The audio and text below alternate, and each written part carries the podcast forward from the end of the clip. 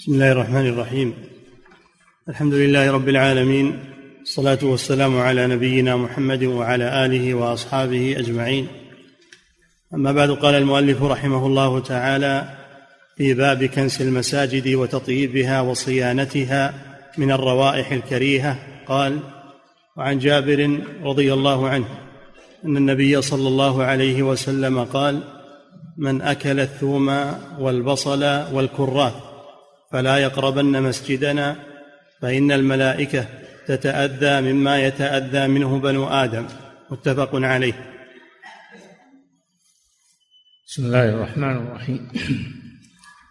الحمد لله رب العالمين صلى الله وسلم على نبينا محمد.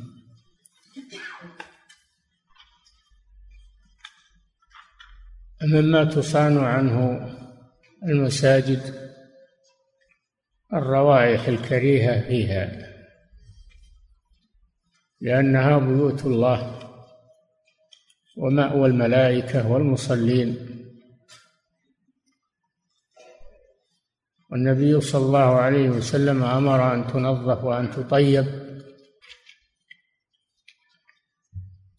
وفي هذا الحديث أن من يحمل رائحة كريهة تؤذي المصلين وتؤذي الملائكة فلا يأتي إلى المسجد. دفعا لضرره. صلاة الجماعة معلوم أنها واجبة على الأعيان ولكن إذا تعارض الواجب مع شيء محرم أو أذية المصلين والملائكة. فإن درء المفاسد مقدم على جلب المصالح كما هي القاعدة. فيعتزل المسجد حتى تزول رائحة هذه المأكولات. البصل والثوم والكراث. وكذلك ما يشابهها ما فيه روائح كريهة كرائحة الدخان الذي ابتلي به بعض الناس وغير ذلك. فمن يريد الإقدام أو التقدم إلى المسجد فليزل عنه الروائح الكريهة.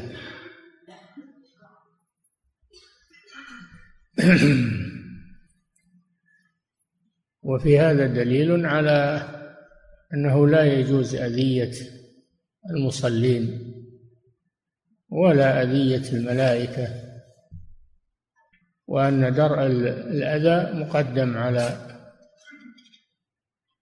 المصلحة في أداء الصلاة في المسجد. نعم.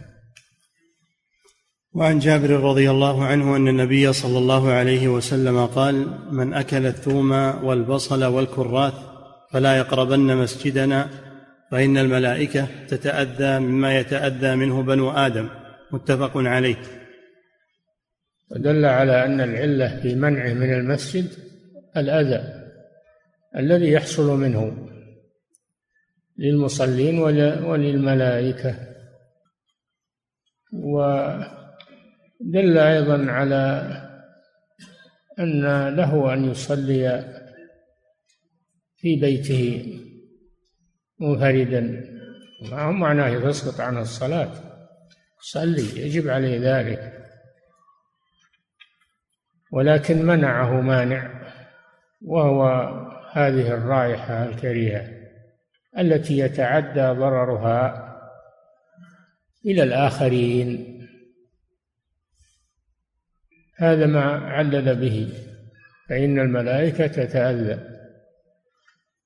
بعض العلماء يقول أن هذا خاص بمسجد الرسول صلى الله عليه وسلم لأنه في رواية مسجدنا لا يقرب مسجدنا. ولكن الرواية الثانية المساجد عموم المساجد. والعلة واحدة في المسجد النبوي وفي غيره وهو منع ذية الملائكة والمصلين. نعم. باب ما يقول إذا دخل المسجد وإذا خرج منه. من آداب المساجد أنه إذا أراد الدخول أو أراد الخروج أنه يأتي بذكر ودعاء عند ذلك. نعم. عن أبي حميد وأبي أسيد قال قال رسول الله صلى الله عليه وسلم إذا دخل أحدكم المسجد فليقل اللهم افتح لي أبواب رحمتك. وإذا خرج فليقل اللهم إني أسألك من فضلك. رواه أحمد والنسائي. وكذا مسلم وأبو داود وقال عن أبي حميد أو أبي أسيد بالشك. نعم. هل الرواية عن الاثنين أبي حميد وأبي أسيد كما هو الظاهر؟ أو إن الرواية عن واحد مشكوك فيه منهما؟ والأمر في هذا سهل. الأمر في هذا سهل. في هذا أنه إذا أراد الدخول يقول وافتح لي أبواب رحمتك. اللهم افتح لي أبواب رحمتك. وإذا أراد الخروج قل افتح لي أبواب فضلك. وذلك لأن المساجد موطن الرحمة والأسواق موطن الفضل وهو الكسب والبيع والشراء. فإذا قضيت الصلاة انتشروا في الأرض وابتغوا من فضل الله يعني بالبيع والشراء. فالخروج يناسب أن يقول افتح لي أبواب فضلك لأن الأسواق محل الفضل وهو البيع والشراء والكسب. وعند الدخول يقول افتح لي أبواب رحمتك لأن المساجد موطن الرحمة. نعم. وعن فاطمة الزهراء رضي الله عنها قالت كان رسول الله صلى الله عليه وسلم إذا دخل المسجد قال بسم الله والسلام على رسول الله. اللهم اغفر لي ذنوبي وافتح لي أبواب رحمتك. وإذا خرج قال بسم الله والسلام على رسول الله. اللهم اغفر لي ذنوبي وافتح لي أبواب فضلك. رواه أحمد وابن ماجه. نعم.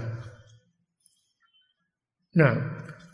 باب نعم الحديث هذا فيه إضافة للحديث الأول وهو أنه يقول هذه الكلمات الثلاث عند الدخول وعند الخروج.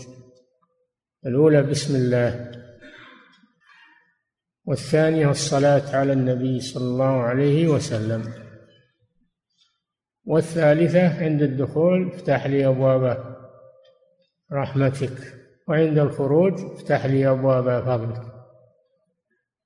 وفيه كلمة رابعة أيضا أنه يقول أعوذ بالله العظيم وبوجهه الكريم وسلطانه القديم من الشيطان الرجيم. فإذا جمع هذه الألفاظ حمل بجميع الروايات.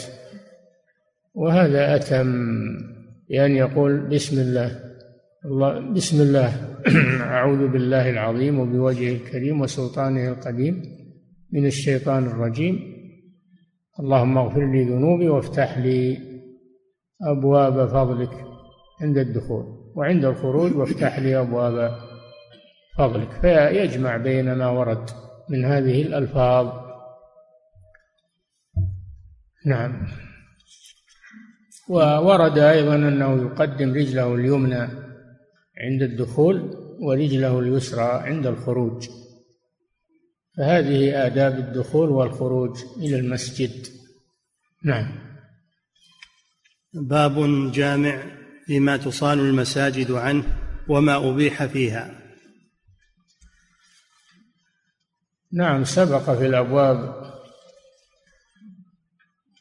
التي مرت ما ما يقال في المساجد وما يفعل فيها مفصلا. وهذا الباب فيه إجمال لما سبق. إجمال. ولهذا قال باب جامع. يعني يجمع آداب المساجد. وهذا كله يدل على أهمية المساجد لأنها بيوت الله عز وجل موطن الصلاة والذكر. في بيوت أذن الله أن ترفع ويذكر فيها اسمه يسبح له فيها بالغدو والآصال. رجال لا تلهيهم تجارة ولا بيع عن ذكر الله وإقام الصلاة وإيتاء الزكاة. فهي بيوت الله وهي أحب أحب البقاع إلى الله عز وجل. وهذه الآداب تدل على أهميتها ومكانتها في الإسلام. نعم. باب جامع فيما تصان المساجد عنه وما أبيح فيها. عن أبي هريرة رضي الله عنه قال قال رسول الله صلى الله عليه وسلم من سمع رجلا ينشد في المسجد ضالة فليقل لا أداها الله إليك فإن المساجد لم تبن لهذا. مما, مما تصان عنه المساجد إنشاد الضالة يعني السؤال عن الدابة الضائعة.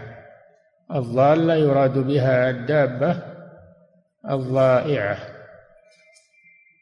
وأما غيرها من الضائعات فيسمى لقطة يسمى اللقطة وإنما الضوال في الدواب.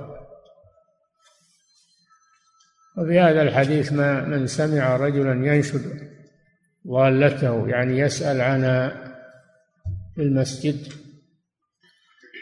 والسؤال عنها خارج المسجد لا مانع منه لكن داخل المسجد. فليرد عليه وليقل لا أدى الله عليك يعني لا رد الله عليك ضالتك لأنه والعلة في ذلك أن المساجد لم تبنى لإنشاد الضوال نعم ينشدها في في مجامع الناس غير المساجد. أما المساجد فإنها تصان عن إنشاد الضوال نعم. فدل على على منع إنشاد الضوال في المساجد ودل على الرد عليه بنقيض قصده عقوبة عقوبة له. نعم. وعن بريدة رضي الله عنه أن رجلا نشد في المسجد فقال من دعا إلى الجمل الأحمر؟ فقال النبي صلى الله عليه وسلم لا وجدت إنما بنيت المساجد لما بنيت له. رواهما أحمد ومسلم وابن ماجه. نعم هذا مثل الحديث الذي قبله. إلا أن فيه بيان معنى نشد الضالة. نشد الضالة وهو أن هذا الرجل قال من رأى الجمل الأحمر سواء الجمل أو غيره. وإنما هذا شرح لنشد الضالة في المسجد. نعم. وعن بريدة رضي الله عنه أن رجلا نشد في المسجد فقال من دعا إلى الجمل الأحمر؟ فقال النبي صلى الله عليه وسلم لا وجدت إنما بنيت لا وجدت هذا دعاء عليه. هذا دعاء عليه. فهو من باب العقوبة له والردع له. نعم. لا وجدت إنما بنيت المساجد لما بنيت له. لما بنيت له. من, من, من ذكر الله عز وجل. بنيت لذكر الله. ولم تبنى لأمور الدنيا. نعم.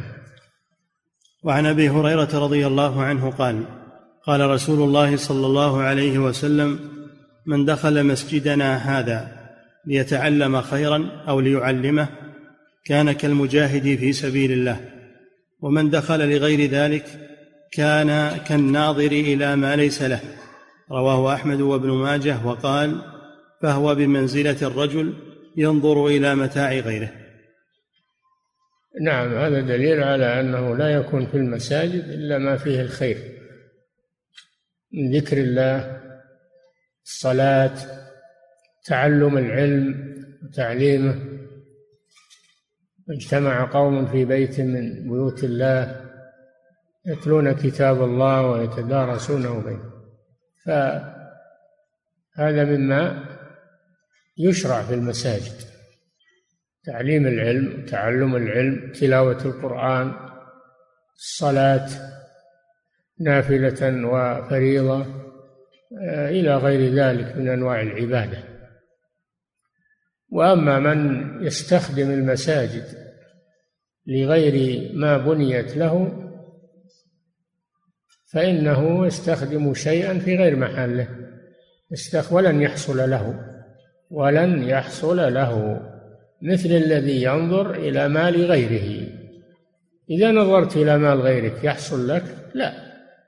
كذلك الذي يستخدم المساجد لأمور الدنيا لن يحصل عليها عقوبة له. نعم.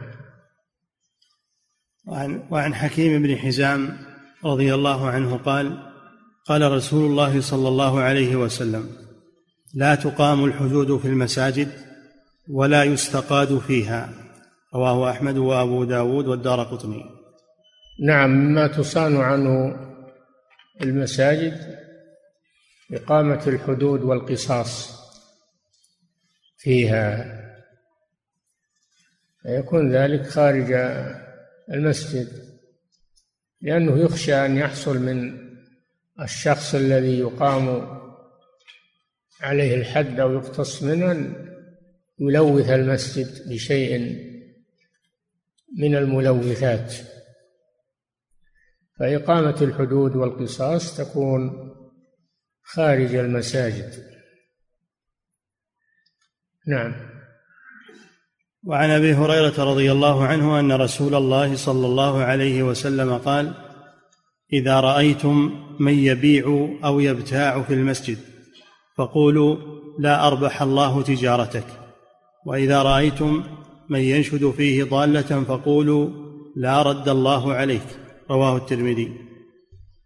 ومما تصان عنه المساجد البيع والشراء وأن من فعل ذلك باع وابتاع يعني اشترى باع واشترى فيها أنه يدعى عليه ويقال لا أربح الله تجارتك إنكارا عليه.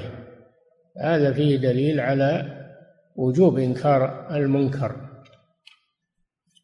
ومن ذلك البيع والشراء في المساجد لأن محل البيع والشراء هو الأسواق.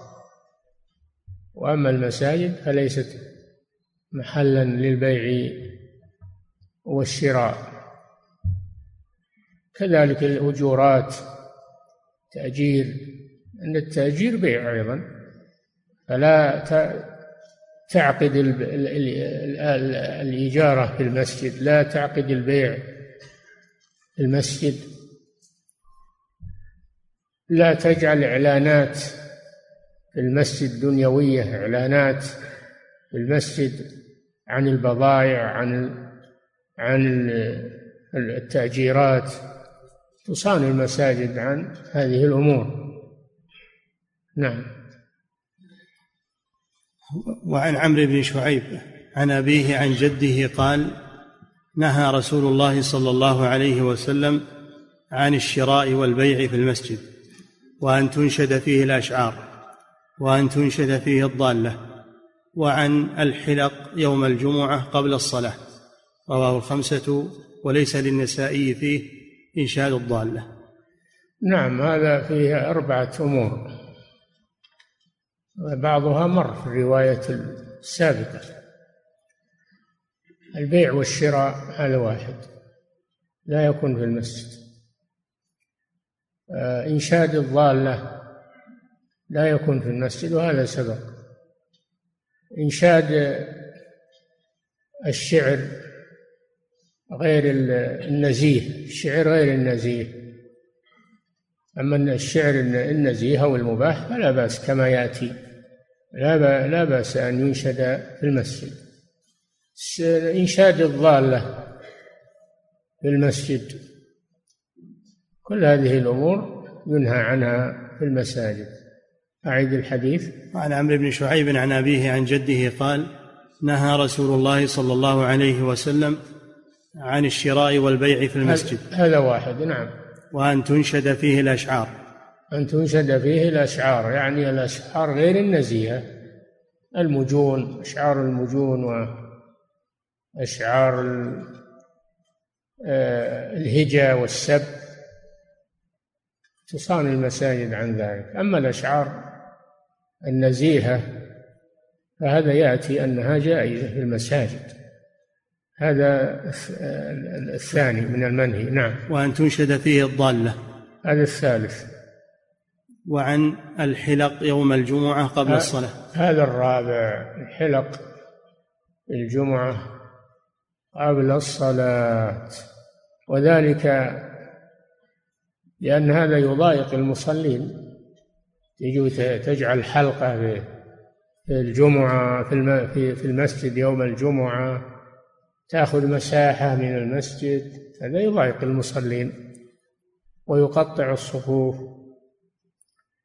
أما بعد الصلاة فلا مانع من عقد الحلق للذكر يعني لطلب العلم. عقد الحلق لطلب العلم تعلمه وتعليمه نعم.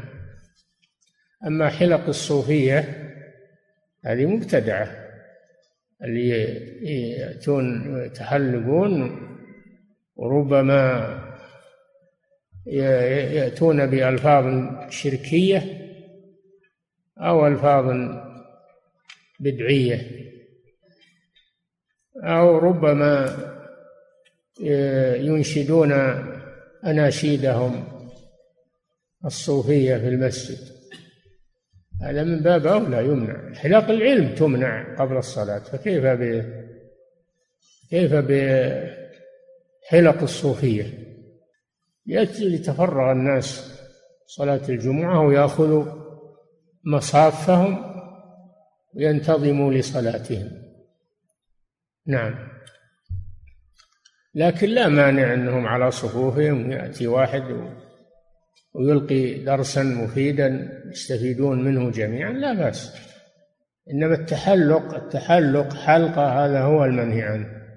نعم. وعن سهل وعن سهل بن سعد رضي الله عنه أن رجلا قال يا رسول الله أرأيت رجلا وجد مع امرأته رجلا أيقتله؟ فتلاعنا في المسجد وأنا شاهد. متفق عليه. نعم.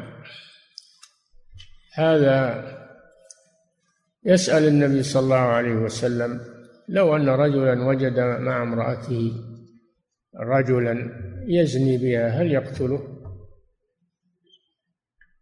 فهو سأل عن شيء لا ينبغي أن يسأل عنه ولكنه سأل فأصيب. أصيب بذلك وابتلي به والعياذ بالله.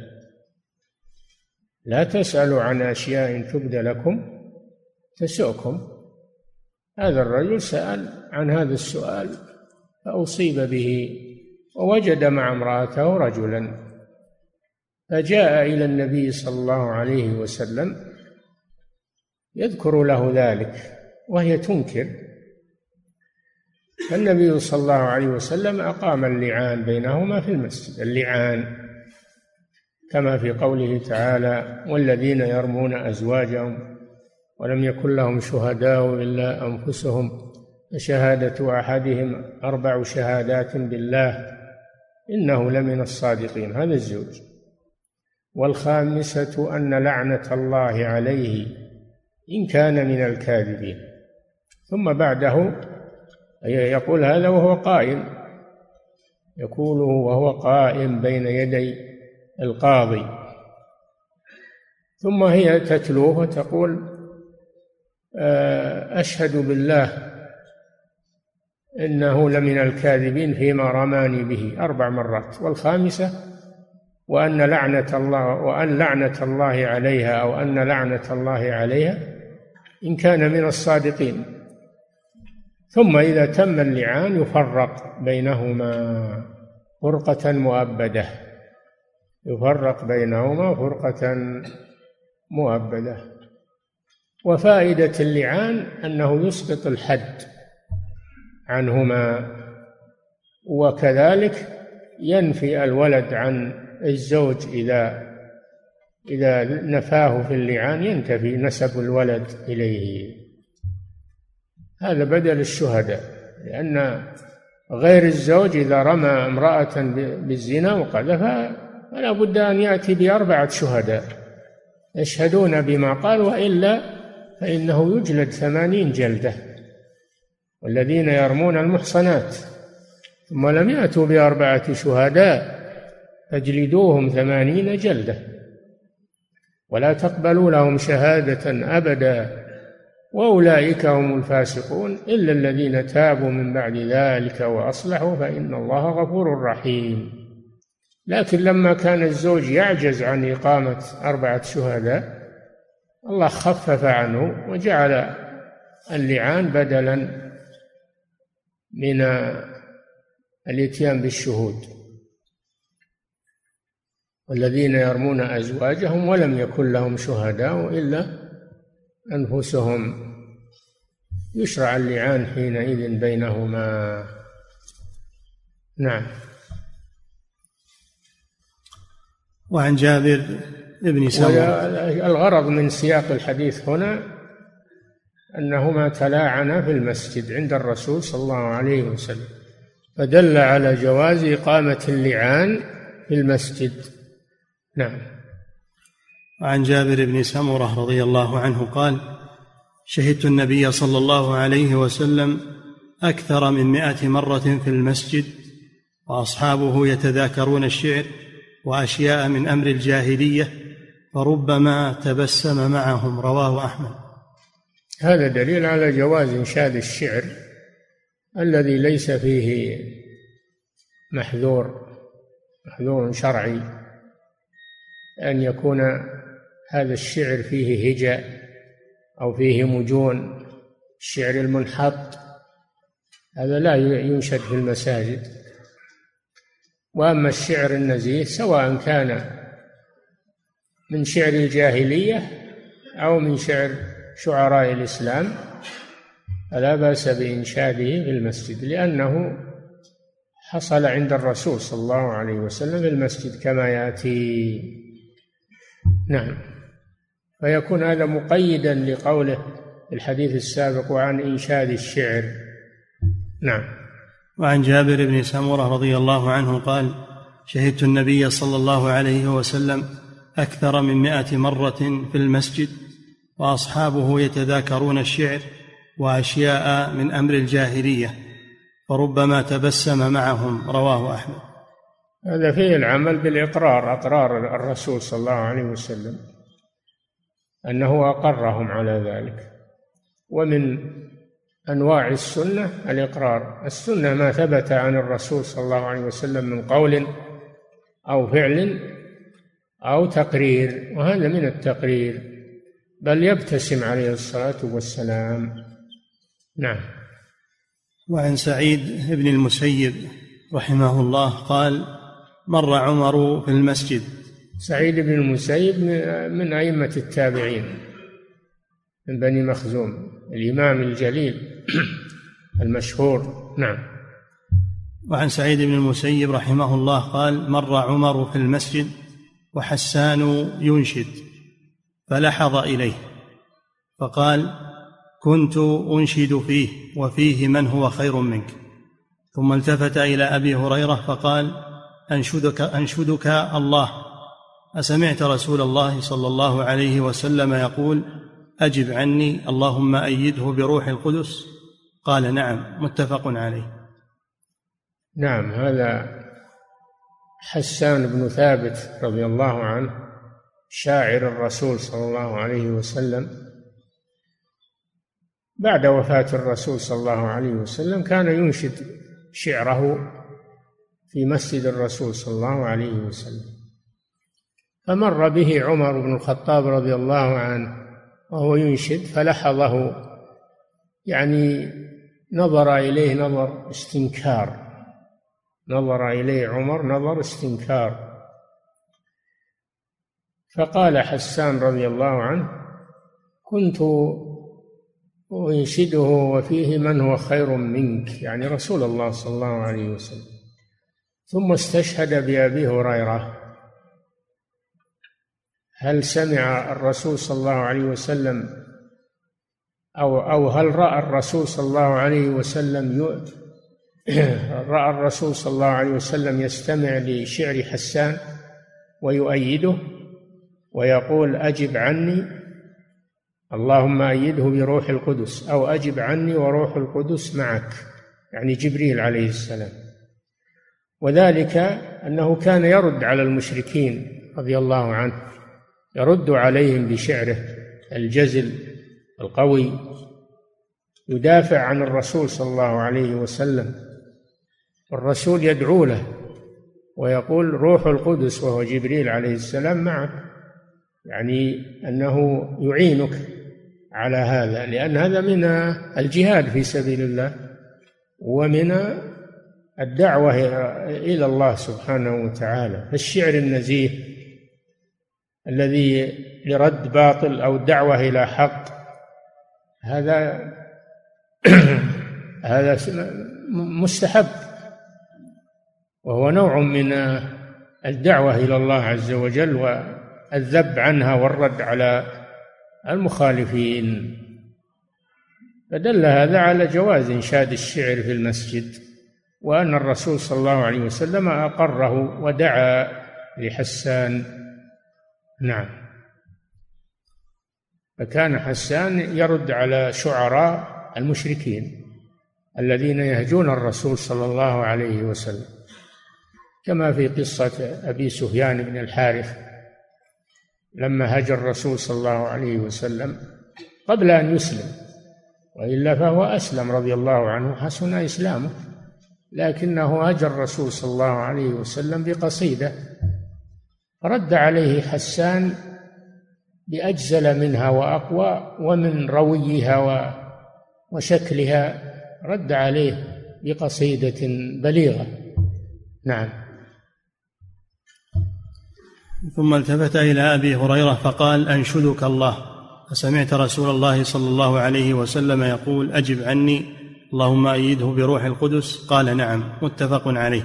نعم هذا فيه جواز إنشاد الشعر النزيه في المسجد لا سيما الشعر المفيد والذي فيه الرد على أعداء الإسلام. الرد على أعداء الإسلام وفيه أيضا طلب الشهادة من من عنده شهادة. فحسان طلب الشهادة من أبي هريرة رضي الله عنه. نعم. وعن عباد بن تميم عن عمه أنه رأى رسول الله صلى الله عليه وسلم مستلقيا في المسجد واضعا إحدى رجليه على الأخرى. متفق عليه. وهذا مما يجوز في المساجد الاستلقاء على الظهر. والنوم فيها كما ياتي هذا يجوز في المساجد أنه يستلقي على ظهره ويرفع رجله إحدى رجليه على الأخرى إذا لم تبدو عورته هذا جائز والحمد لله. نعم. وعن عبد الله بن عمر رضي الله عنهما أنه كان ينام وهو شاب عزب لا أهل له في مسجد رسول الله صلى الله عليه وسلم. رواه البخاري والنسائي وأبو داود وأحمد ولفظه. كنا في زمن رسول الله صلى الله عليه وسلم ننام في المسجد ونقيل فيه ونحن شباب. نعم هذا فيه دليل على جواز النوم في المساجد القيلولة أو في الليل خصوصا العزب الذي ليس له أهل ليس له زوجة ينام في المسجد لا مانع من ذلك. نعم.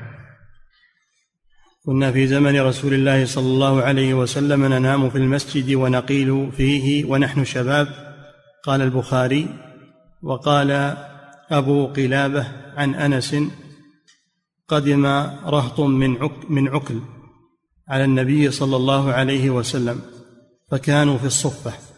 وقال قال عبد الرحمن بن أبي بكر كان أصحاب الصفة الفقراء.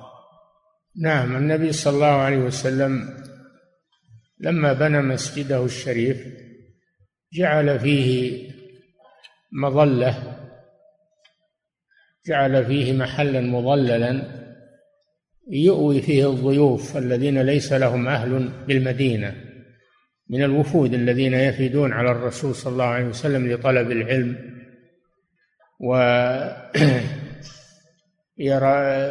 يرافقون الرسول صلى الله عليه وسلم في مجالسه وفي يستفيدوا من منه.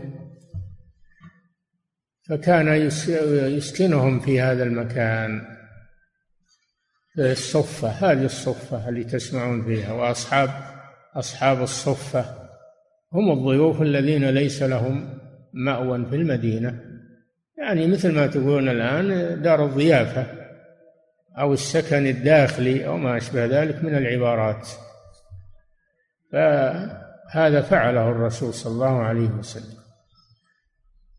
وممن سكنه الوفد الذين جاءوا من قبيلة عكل أو عرينة ووفدوا على الرسول صلى الله عليه وسلم أسكنهم بالصفة ويأكلون من صدقات من صدقات أهل المدينة. كل يأتي بما تيسر. يأكلون من الصدقات ومما يحصل للرسول صلى الله عليه وسلم مما يهدى إليه أو ما يصل إليه عليه الصلاة والسلام ينفق عليهم ويطعمهم منه. فهؤلاء الرهط من عكل أو عرينة لما بقوا في المدينة اجتووها يعني أصابتهم الحمى لأن المدينة كان فيها حمى. ثم دعا الرسول صلى الله عليه وسلم أن ينقل الله حماها إلى الجحفة. فأصبحت المدينة بدعوة الرسول صلى الله عليه وسلم خالية من الحمى. لكن هؤلاء جاءوا وقت وجود الحمى في المدينة فأصابتهم فأمرهم النبي صلى الله عليه وسلم أن يلحقوا بإبل الصدقة وأن يشربوا من أبوالها وألبانها لأن هذا فيه شفاء وفيه علاج من الحمى فذهبوا وشربوا وشفاهم الله. طبيعة الأعراب طمع. فطمعوا في طمعوا في الإبل. طمعوا في الإبل. فقتلوا الراعي ومثلوا به وساقوا الإبل.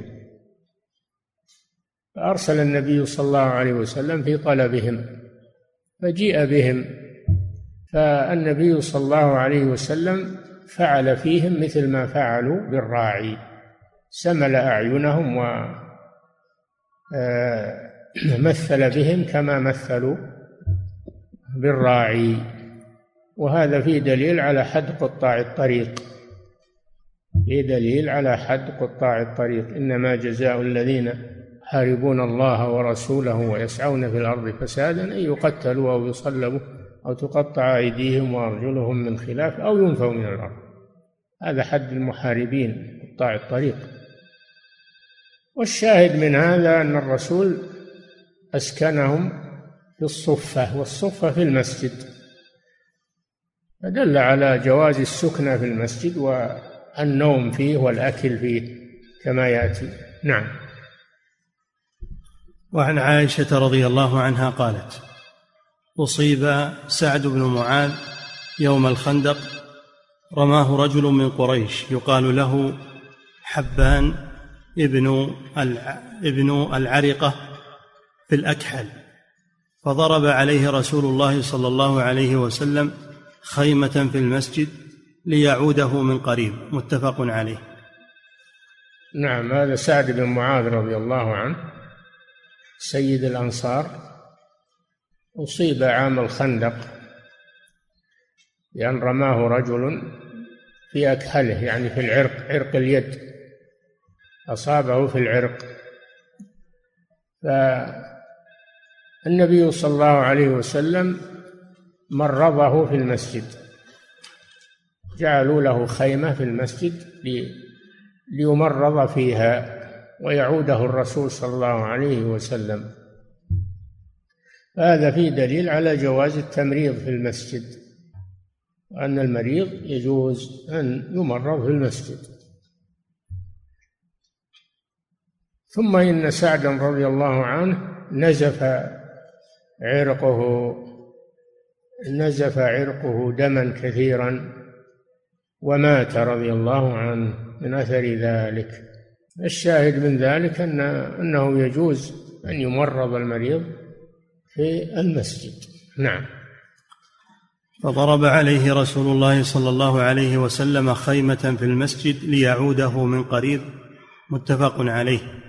هذا فيه فضل سعد رضي الله عنه أن الرسول اعتنى به وضرب له خيمة في المسجد ليعوده. نعم.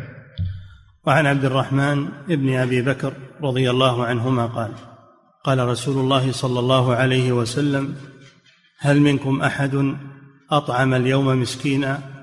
فقال أبو بكر دخلت المسجد فإذا أنا بسائل يسأل فوجدت كسرة, كسرة خبز بين يدي عبد الرحمن. الرحمن ابنه ابن عبد الرحمن بن أبي بكر نعم. فأخذتها فدفعتها إليه رواه أبو داود. نعم. هذا الحديث فيه دليل على جواز السؤال في المسجد وإعطاء السائل فيه. جواز السؤال في المسجد والتصدق.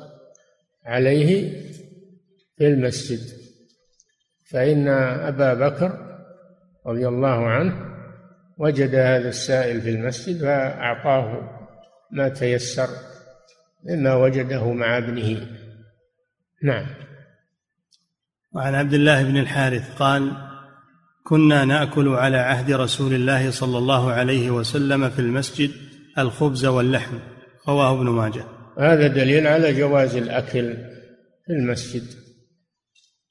جواز الأكل في المسجد بشرط أن لا أن لا يبقى في المسجد شيء من المخلفات مخلفات الأكل. فلا مانع من الأكل في المسجد وإفطار الصائمين في المسجد وغير ذلك. نعم.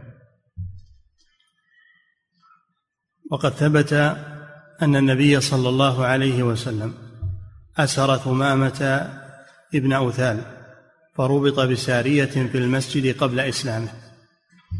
نعم. ثمامة بن أوثان هذا سيد أهل اليمامة وكان مشركا فذهب للعمرة لأن المشركين كانوا يحجون ويعتمرون. من بقايا دين إبراهيم عليه السلام فذهب للعمرة فأخذته خيل رسول الله صلى الله عليه وسلم من الطريق. ذهبوا به إلى المدينة وربطه النبي صلى الله عليه وسلم في المسجد هذا دليل على جواز دخول الكافر إلى المسجد وبقاءه فيه دخوله وبقاؤه فيه لأن الرسول صلى الله عليه وسلم ربطه في المسجد. ثم في النهاية أطلقه فأسلم ثمامة رضي الله عنه. ذهب واغتسل ثم جاء وأعلن إسلامه. فحسن إسلامه رضي الله عنه. الشاهد من هذا جواز ربط الكافر بالمسجد.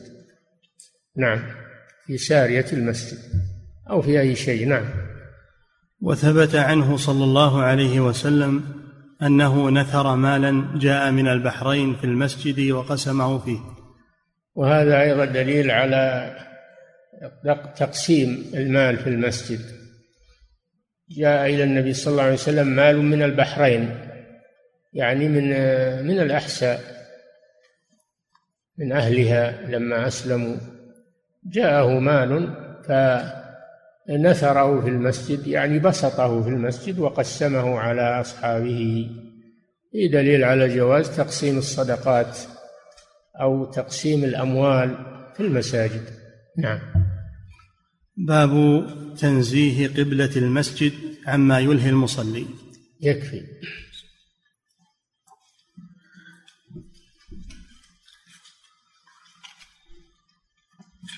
فضيلة الشيخ وفقكم الله. يقول بعض الناس لا تنفك عنه رائحة الدخان المحرم فهل يقال له لا تصلي جماعة وربما كان هذا سببا في ترك الصلاة جماعة؟ هذه مصيبة وبلوى هذه مصيبة وبلوى فعليه أن يتوب إلى الله عز وجل ويترك الدخان. الثوم والبصل والكراث هذا مباح. ولكن الدخان حرام. فيجمع بين مفسدتين مفسدة تناول الحرام ومفسدة الرائحة الخبيثة. عليه أن يتوب إلى الله عز وجل. وإذا كان ابتلي به ولم يتب منه فعليه أن يخفف الرائحة ما استطاع. يجعل شيء من الطيب يجعل شيء مما يخفف الرائحة أو يزيلها إذا كان هناك شيء يزيلها. يعالجها. نعم. فضيلة الشيخ وفقكم الله يقول هناك بعض المصلين دائما يأكل الثوم والبصل فهل يصلي دائما في بيته؟ يترك الثوم والبصل. يترك هو مسلم يترك الثوم والبصل أو لا يأكله في الوقت الذي يذهب إلى المسجد. نعم. فضيلة الشيخ وفقكم الله يقول من أكل البصل أو الثوم ثم بعد ذلك نظف فمه بفرشاة ومعجون هل يجوز له الذهاب إلى المسجد حينئذ؟ الكلام على وجود الرائحة. إذا كانت الرائحة باقية لا لا, لا يذهب إلى المسجد.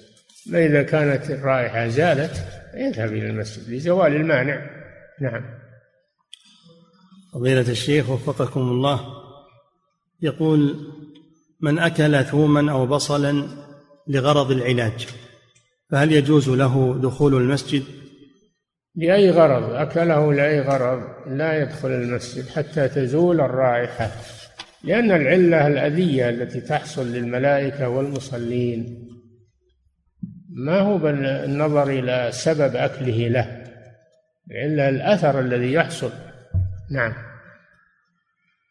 فضيلة الشيخ وفقكم الله يقول جاء في الحديث عن النبي صلى الله عليه وسلم النهي عن دخول المسجد لمن أكل الثوم أو البصل.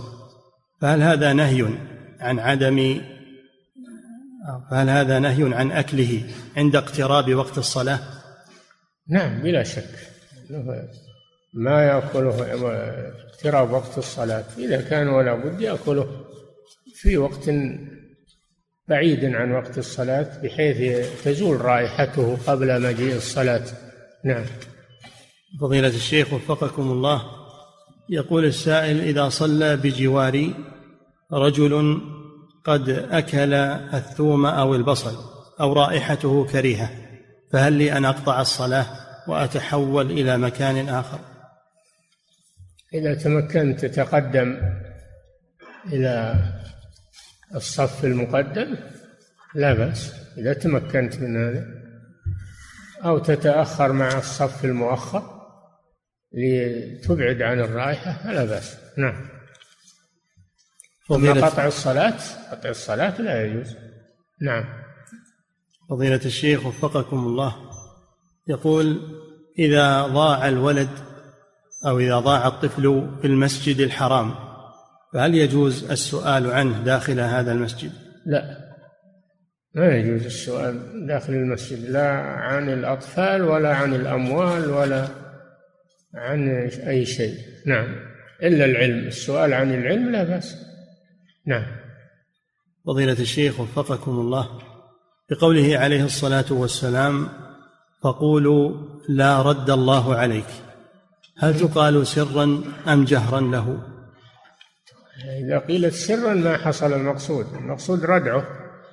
تقال جهرا ويسمع هذا ردعا له. نعم. فضيلة الشيخ وفقكم الله. يقول الأحاديث وردت في النهي عن إنشاد الضالة في المسجد. هل يجوز إنشاد غيرها من اللقطة؟ لا يجوز. لا يجوز آه، السؤال عن المال الضائع أيا كان لا يجوز السؤال عن المال الضائع في المسجد. نعم. فضيلة الشيخ وفقكم الله. يقول إذا وجدت شيئا في المسجد فهل يجوز لي أن أعلن عنه داخل المسجد؟ لا. لا تضع إعلان داخل المسجد عن أمور الدنيا. لا. الضائع ولا البيع والدعاية ولا الإعلان عن عن الإيجارات ولا غير ذلك من أمور الدنيا. نعم. فضيلة الشيخ وفقكم الله يقول هل يقال بأن التسول في المساجد يعد مذموما وينهى من فعل ذلك؟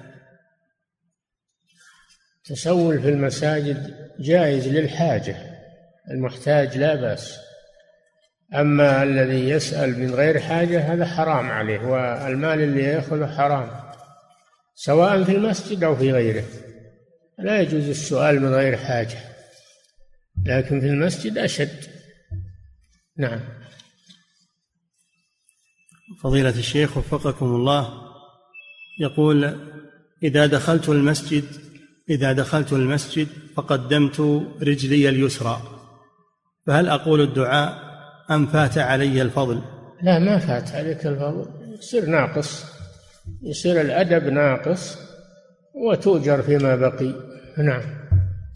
فضيلة الشيخ وفقكم الله الأدعية الواردة في دخول المسجد هل يقال بأنها من الأدعية المتنوعة التي يقول هذه تارة وهذه تارة؟ لا يجمع يجمع بين ما ورد ويقوله جميعا. نعم.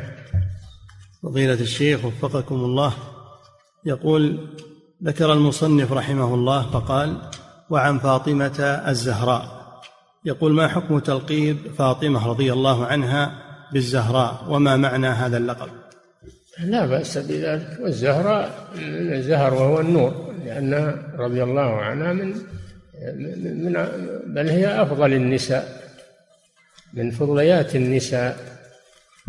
فالمراد بالزهر هنا الضياء والنور لما أعطاها الله من الفضل. بنت الرسول صلى الله عليه وسلم حبيبة الرسول. نعم. فضيلة الشيخ وفقكم الله. يقول هل يجوز إنشاد الضالة والبيع عند باب المسجد؟ حيث في خارج لا بأس. خارج المسجد لا بأس. أما من داخل المسجد ما, ما يجوز هذا. ولو أنك بالباب ما يجوز هذا. نعم. فضيلة الشيخ وفقكم الله يقول هل من صلى لوحده في بيته لأنه قد أكل ثوما يقال بأن له أجر الجماعة. لأنه لم يتركها إلا بسبب؟ لا السبب من عنده. هذا السبب من عنده. فيحرم من أجر صلاة الجماعة بسبب من عنده هو اللي تسبب في هذا. إنما الذي يكتب له أجر الجماعة المعذور المريض أو الخايف اللي عنده شيء يمنعه من الذهاب إلى المسجد. نعم. فضيلة الشيخ وفقكم الله يقول من سأل عن ضالة في المسجد وهو جاهل بالحكم فهل ندعو عليه مباشرة أو نعلمه أولا؟ الحديث عام الحديث عام ولأجل ما هو تعليمه وحده تعليم الناس أيضا. الناس يعلمون تعلن السنة لهم. يعلمون هذا. نعم. فضيلة الشيخ وفقكم الله يقول السائل كنا في الصحراء وأردنا أن نأكل الثوم والبصل. والصلاة وقتها قريب. فأنكر علينا واحد منا فقلنا إن النهي خاص بالمسجد. فرد علينا فقال إن الملائكة تتأذى مما يتأذى منه بنو آدم وأنتم مقبلون على صلاة. فهل هذا صحيح؟ نعم أحسن أنكم تدخلون بالصلاة بغير رائحة كريهة أحسن. هذا لكن في المسجد أشد. نعم. فضيلة الشيخ وفقكم الله. يقول السائل اللوحات التي تجعل في المساجد وتحتوي على الأذكار التي بعد الصلاة.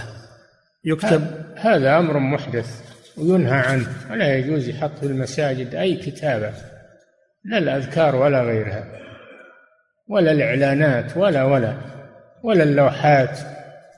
المساجد لا تجعل كأنها دائرة حكومية.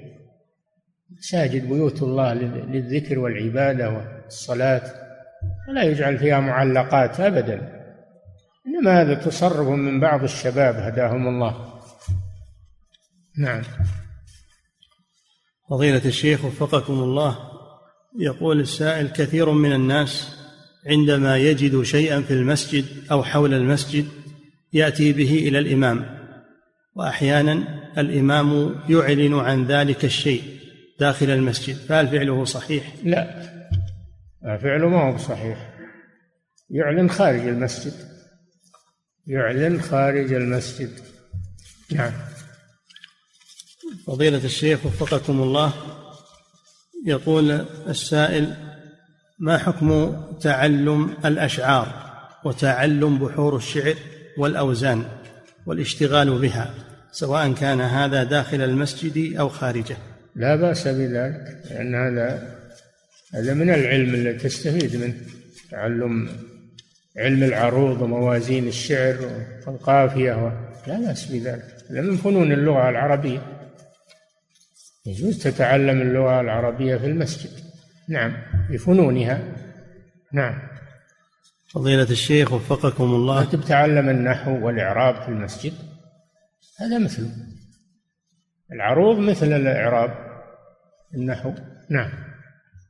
فضيلة الشيخ وفقكم الله يقول السائل أنا مؤذن في مسجد وأجد دائما نعم. أنا مؤذن في مسجد وأجد دائما في المسجد ساعة وأقلاما وغير ذلك وقد مضى عليها سنة ولم يحضر أحد ليسأل عنها فما العمل فيها؟ وفقك الله.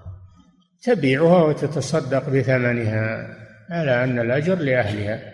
نعم. فضيلة الشيخ وفقكم الله.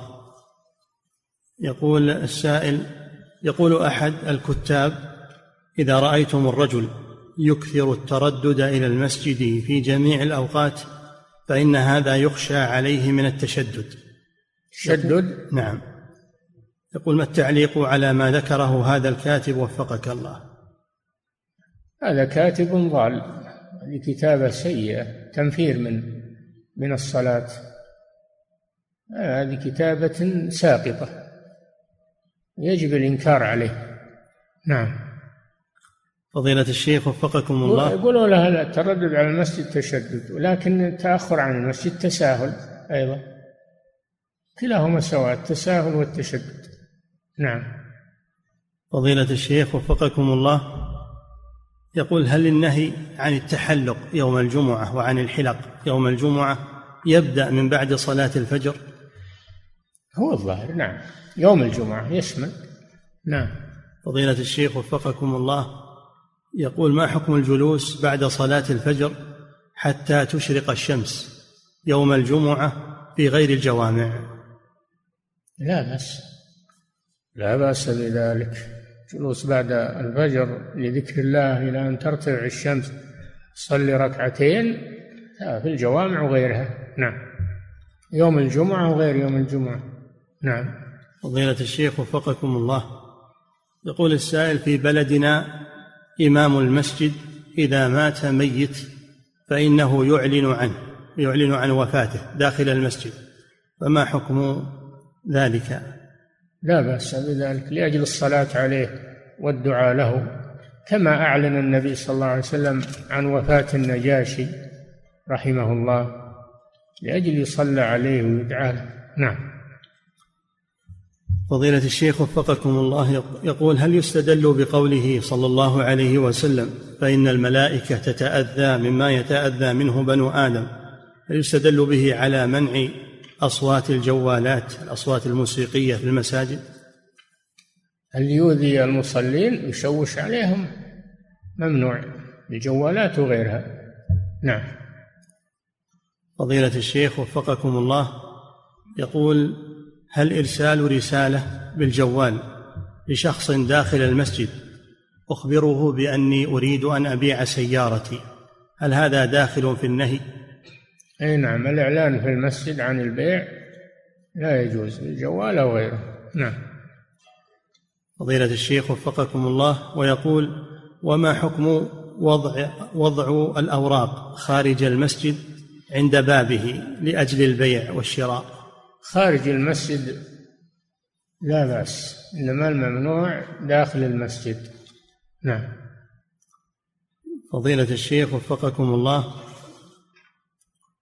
يقول هل يجوز للمسلم أن يجعل له يوما في الأسبوع ليأكل فيه البصل والثوم فلا يحضر صلاة الجماعة لأنه يشتهيه أو يعالج به فيختار يوما في الأسبوع لأجل ذلك؟ لا لا يختار يوما من الأسبوع يترك فيه صلاة الجماعة لا. يأكل في وقت بعيد عن وقت الصلاة.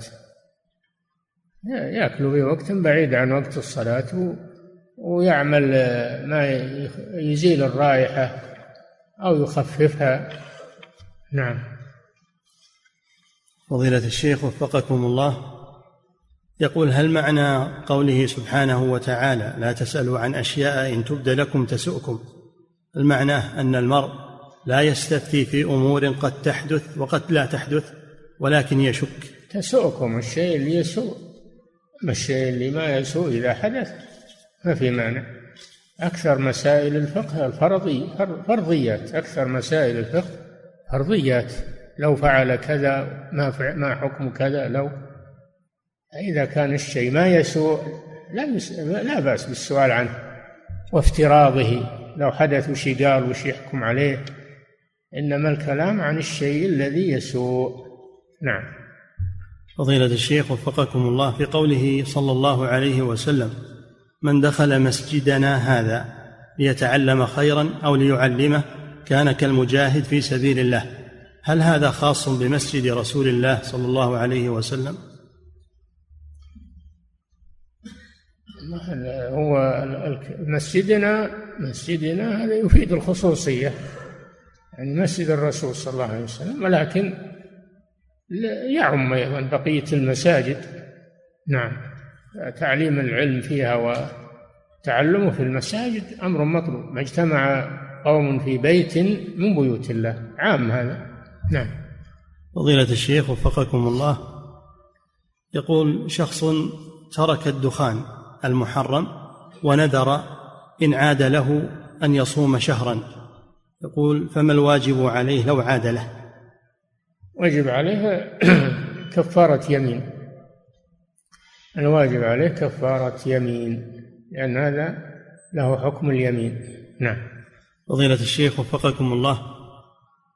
يقول السائل في بلدنا يجتمع الناس قبل صلاة الجمعة ويقرأ أحدهم القرآن ويستمعون إليه إلى أن يأتي وقت الخطبة. فهل هذا من المنهي عنه في المساجد؟ كما ذكرنا أنهم إذا كانوا على صفوفهم واحد يقرأ القرآن وهم يستمعون أو يلقي درسا وهم يستمعون ما في بأس هذا. إنما الممنوع التحلق هذا الذي ورد النهي عنه. نعم.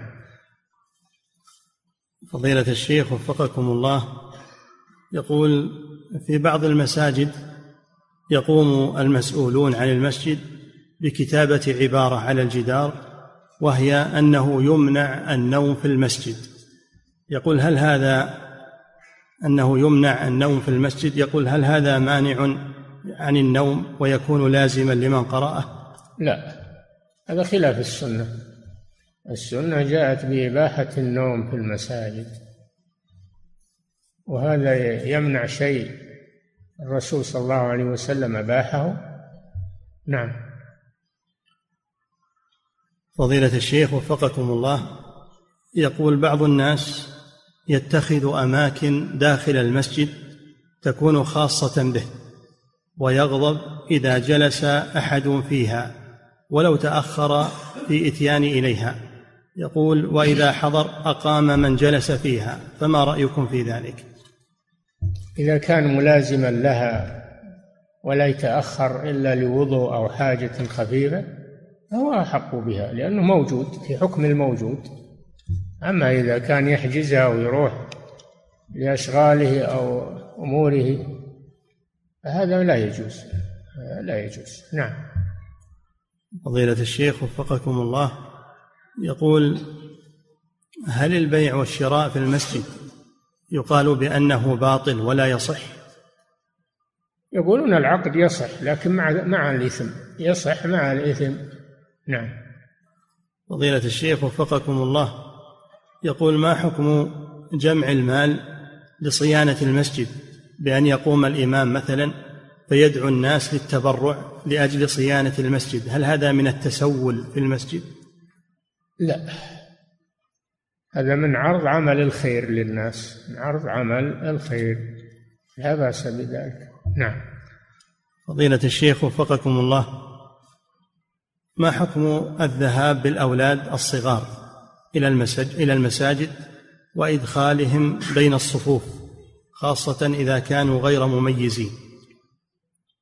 إذا كان يخاف عليهم لو تركهم يخاف عليهم لا بأس أن يستصحبهم لكن يحفظهم لا يتركهم يؤذون المصلين يضبطهم. الرسول صلى الله عليه وسلم كما مر بكم يصلي وهو حامل أمامة بنت بنته إذا قام حملها وإذا سجد وضعها. فإذا كان هذا لحاجة يخاف عليه ما في بأس. نعم لكن يضبطه. نعم. فضيلة الشيخ وفقكم الله يقول السائل أنكرت على إمام مسجدنا قيامه بوضع تقويم عليه علامة تجارية لمحل مشهور.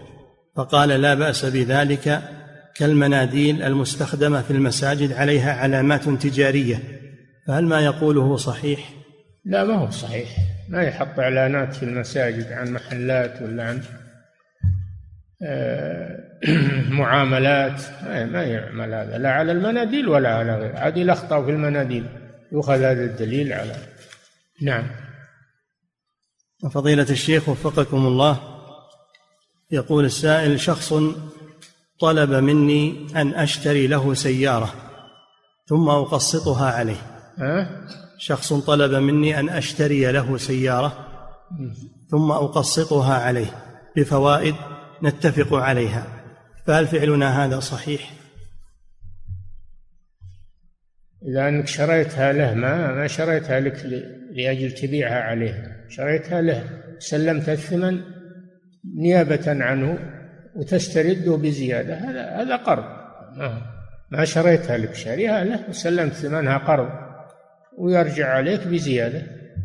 هذا لا يجوز. أما إذا شريت السلعة وملكتها ثم بعتها عليه بعد ما ملكتها فلا مانع. نعم. فضيلة الشيخ وفقكم الله هذه امرأة تقول تقول أنا لي أخ يعمل في بنك ربوي تقول المرأة أنا لي أخ يعمل في بنك ربوي ويعطينا بعض المال من راتبه. سؤالها هل لي أن آخذ هذا المال أم لا يجوز ذلك؟ إذا كان له مكاسب غير الراتب ما في مانع لأنه ما يتعين إن هل يعطاك منه من الراتب يمكن من ماله الآخر.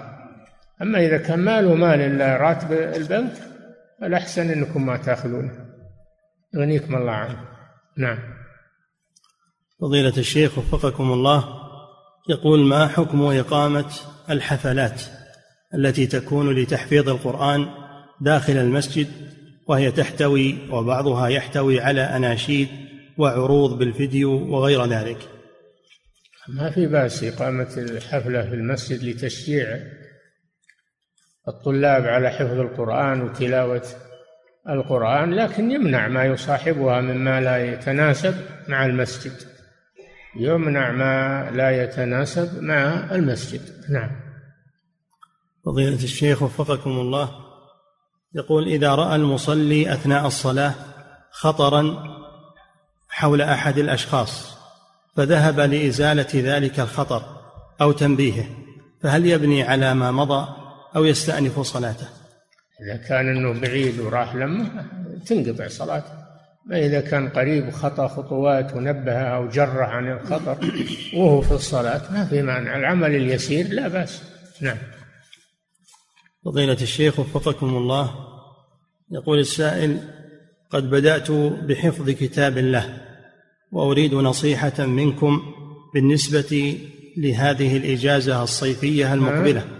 إيش؟ يقول قد بدأت بحفظ كتاب الله نعم. وأريد نصيحة من فضيلتكم بالنسبة لهذه الإجازة الصيفية المقبلة. هل الأفضل أن أتمم فيها حفظ القرآن أم أن أحفظ بعض المتون؟ حفظ القرآن له وقت وحفظ المتون له وقت آخر. قسم وقتك على هذا وهذا. والوقت واسع ولله الحمد. نعم. فضيلة الشيخ وفقكم الله. يقول شخص يقود السيارة وقد كان مسرعا. شخص يقود سيارة وقد كان مسرعا ومعه ركاب فحصل لهم حادث وماتوا جميعا. السؤال يقول هل تجب الكفارة على السائق حيث إن المرور قد قال إن الخطأ عليه لسرعته؟ نعم إذا تسبب في الحادث يكون عليه الكفارة للميت أو للأموات الذين ماتوا في الحادث بسبب سرعته لأن هذا يعتبر من قتل الخطأ.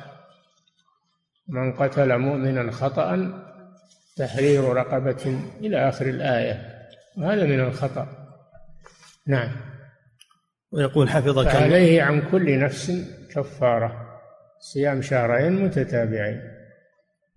نعم مع الديات إذا طالبوا بها لكن الديات تكون على عاقلته وقرابته. نعم. ويقولون حفظك الله يقولون السائق قد مات فهل نصوم نحن الورثة عنه؟ طيب نعم. صوموا عنه جزاكم الله خير. نعم. فضيلة الشيخ وفقكم الله. هذا مما يدل على المنع من السرعة في قيادة السيارة لأن فيها خطر عليه وعلى غيره وفيها تحمل. هذا مما يؤكد على السائقين عدم السرعة لأي ظرف من الظروف لا تسرع. كذلك يسوق وهو ما يحسن القيادة لا يجوز له هذا. يسوق السيارة وهو فيه نوم.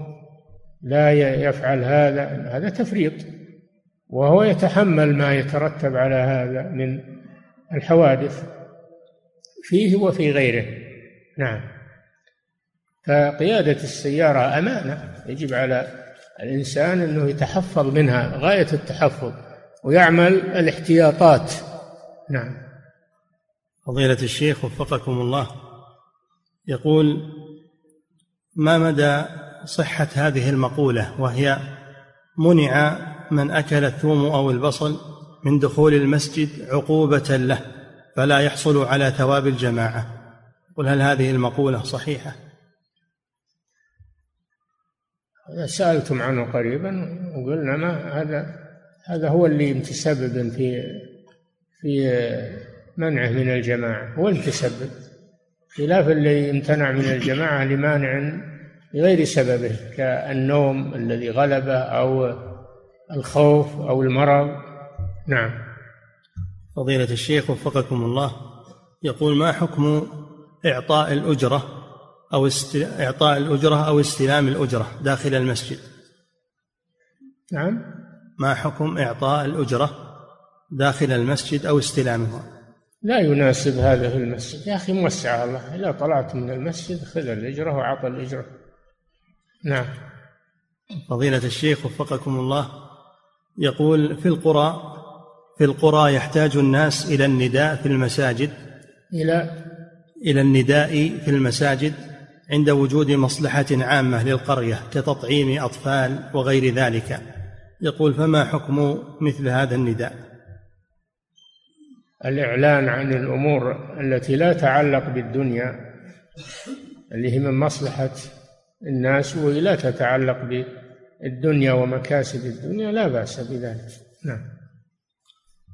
فضيلة الشيخ وفقكم الله يقول امرأة صلت الفريضة في الطائرة وذلك لأنها خشيت أن يخرج وقتها ولكنها صلت وهي جالسة لوجود رجال بجوارها فما حكم صلاتها هذه؟ إذا كانت الطائرة تأخر عن الوقت ما تنزل